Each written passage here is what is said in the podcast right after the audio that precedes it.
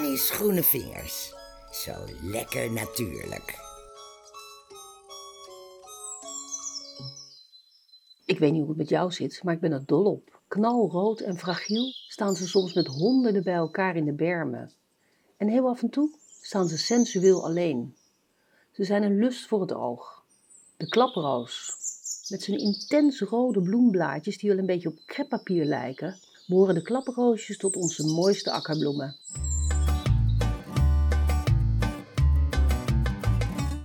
Papaver wordt al sinds de oudheid met de dood geassocieerd. Door de opiaten in sommige papavers stond de plant bij de Grieken en Romeinen symbool voor de dood of eeuwigdurende slaap. In oude tombes kun je daarom nog afbeeldingen van de klaproos vinden. De klaproos verspreidde zich tegelijk met de opkomst van de akkerbouw en vooral in wegbermen en korenvelden. Vroeger werden klaproosjes zelfs samen met koren verbouwd, omdat men de zaadjes als specerij gebruikte voor brood en gebak. Je weet wel, maanzaad.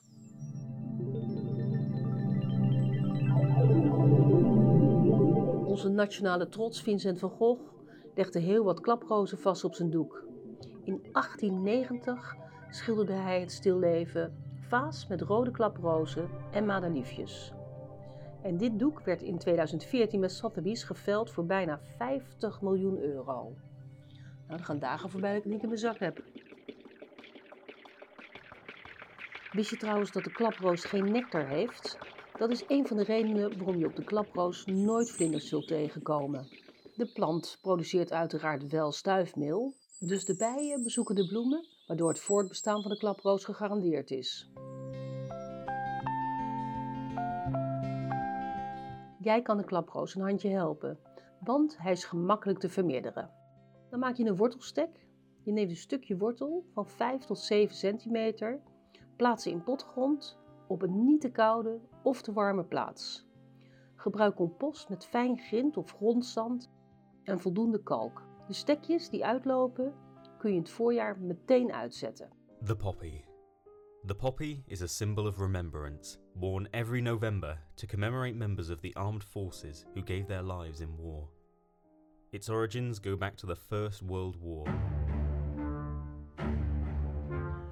Beroemd is het gedicht van John McGray. Hij leefde van 1872 tot 1918. Het is een gedicht over de klaprozen aan het westelijk front, in Flanderfields. De Canadese legerarts schreef zijn gedicht op 8 december 1915, toen hij zag dat er grote klaprozen op oorlogsgraven bloeiden. McCrae gooide het papier waarop hij het gedicht schreef weg, maar een collega-officier vond het en stuurde het gedicht hierna naar verschillende Londense tijdschriften. Het werd als eerste gepubliceerd in de populaire magazine Punch. Veel lezers werden door het gedicht geraakt. John McCrae overleefde de Eerste Wereldoorlog niet. De legerarts overleed op 28 januari 1918 aan een longontsteking en een hersenvliesontsteking. Hij werd 45 jaar oud. Het idee om de klaproos tot symbool van de Eerste Wereldoorlog te maken kwam van de Amerikaanse dichteres en humaniste Moyna Michael. Zij leefde van 1869 tot 1944. Geïnspireerd door het gedicht van John McGray schreef ze daags voor het einde van de oorlog het gedicht We Shall Keep the Faith, waarin ze verklaarde voortaan altijd een klaproos te dragen om de slachtoffers van de oorlog te herdenken. Haar symbolische daad vond navolging in het hele Britse gemene best.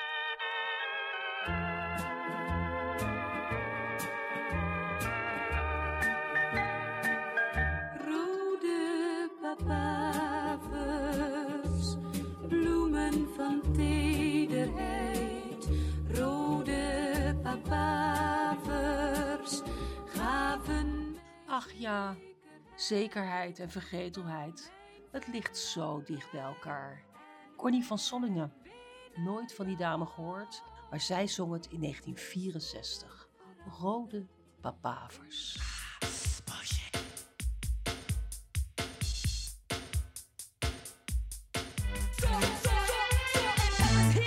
Iedere zaaddoos van de klaproos bevat ongeveer 100 tot 150 zaden. En wanneer die zaden rijp zijn, dan gaat het dakje van de zaaddoos omhoog. En dan, door de wind of door een dier of een mens wat er tegenaan loopt, worden de zaadjes via de kleine openingen verspreid. Je zou het eigenlijk kunnen vergelijken met een zoutvaartje. Er is nog een familielid van de klaproos, de slaapbol, oftewel de opiumpapaver. En die bevat onder andere morfine en codeïne. Je kunt de opium halen uit de slaapbol door de zaaddoos in te kerven als die is uitgebloeid. Dan komt er wit melksap naar buiten druppelen, dat op de zaaddoos bruin opdroogt. En dat gestolde wondsap, dat wordt verzameld. En als je dat zuivert, dan wordt er morfine en codeïne van gemaakt. En als je het chemisch beweert, dan wordt het heroïne. En dan die blik in je ogen. Je kijkt wel, maar je ziet niet. Ik heb je altijd gemogen. Ze vinden je een klootzak. Heroïne, godverdomme, heroïne, godverdomme, heroïne is een vloek. Heroïne, godverdomme, heroïne, godverdomme, heroïne verdient dat. Dit is de elektronische secretaresse van Annie Schoenenvingers. Laat een boodschap achter na de piep. Annie, Annie, Annie, Annie, Annie, Annie. Annie. Oh, wat een leuk onderwerp heb je weer eh, uitgekozen vandaag. Poppies, ik ben ook gek op poppies, ik ben gek op poppies. En daarom wil ik een plaatje aanvragen. Van de poppies. Nou, ik ben dol op dat plaatje. Het heeft natuurlijk niks met het onderwerp te maken, maar oké, vooruit dan maar. Omdat ik zo blij ben dat je weer eens een keertje hebt gebeld. Et tout a continué, mais tout a continué. Non, non,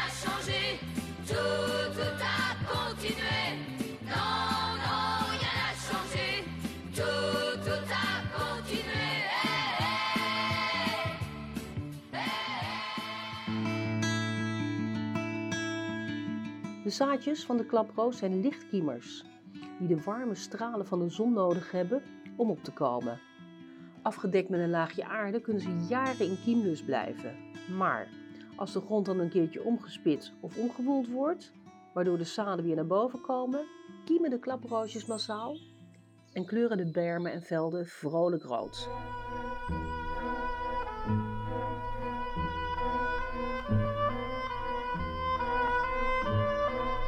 In 1975 kwam Dr. Pulder zaait papavers uit van Bert Haanstra. Het was de eerste fictiefilm in kleur, gebaseerd op het boek De Nagel achter het behang van Anton Koolhaas. Het verhaal is als volgt. Kees Pulder is huisarts in een plattelandsdorp. Hij krijgt onverwacht bezoek van een oude studievriend, de bekende neurochirurg Hans van Inge Liedaert. Tijdens een etentje en de daaropvolgende slempartij halen ze herinneringen op. De neurochirurg blijft slapen, maar de volgende ochtend, als hij vertrokken is, dan heeft hij de hele morfinevoorraad meegejat. Die Hans van Inge Liedaert blijkt een drugsverslaafde. En niet veel later sterft hij aan een overdosis.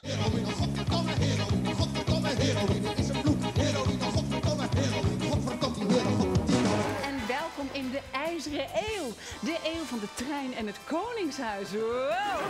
Ik heb een heel bijzondere gast. Hij is eigenlijk al dood sinds, even spieken, 1843. Maar speciaal voor ons maakt hij een uitzondering. Hier is koning Willem I der Nederlanden. Woe! Ik zeg hallo Dorien. Hallo, excellentie. Wat een eer dat u er bent. Ja, ik ben er hoor. Ik ben er echt. Wist je trouwens dat papaver en opium heel sterk verbonden zijn met het Koninklijk Huis? Ja, ja, die oranjes toch. De historicus Hans Derks die doet een klein boekje open over de VOC en het Huis van Oranje als drugsdealers. Vanaf het midden van de 17e eeuw tot ongeveer 1950 heeft Nederland heel erg veel geld verdiend aan de opiumhandel. En dat geld dat verdween in de zakken van de Verenigde Oost-Indische Compagnie en een aantal leden van het Huis van Oranje. En die winsten die waren echt enorm. Hans Derks berekent dat in die periode meer dan 80 miljard, ja je hoort het goed, 80 miljard, omgerekend in de huidige euro's, moet zijn verdiend aan de handel. Hoe dat in zijn werk ging, hoe die belangenverstrengeling in elkaar stak en wat de gevolgen waren voor de Indonesische economie en de bevolking, staat te lezen in zijn boek. Is de geschiedenis van een roofstaat aan de Noordzee, die niet terugdeinsde voor slavernij. Hans Derks zegt daarover: Koning Willems baby was rond 1900 uitgegroeid tot een dinosaurus, die in Oost-Indië alles opslokte.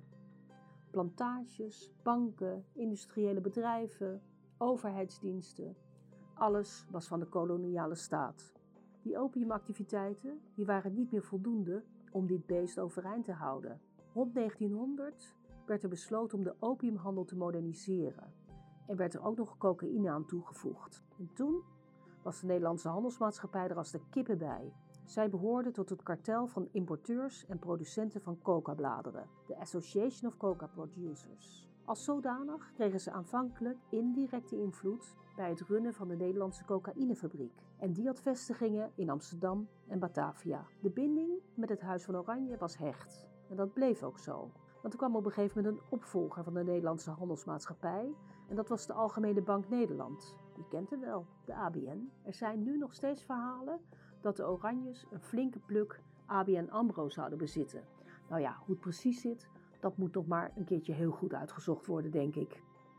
Ja, zo gek. Ik heb er nog nooit iets over gehoord tijdens de geschiedenisles. Hoe zou dat toch komen, lieve mensen? Hoe zou dat toch komen? Ja, de drugsdealers van Oranje staan dan wel niet in de geschiedenisboekjes. Maar wie weet, komt Annie Schoenenvingers ooit in de geschiedenisboekjes? Ben een beetje afgedwaald, maar ik vond het zo'n intrigerend verhaal. Tot de volgende week.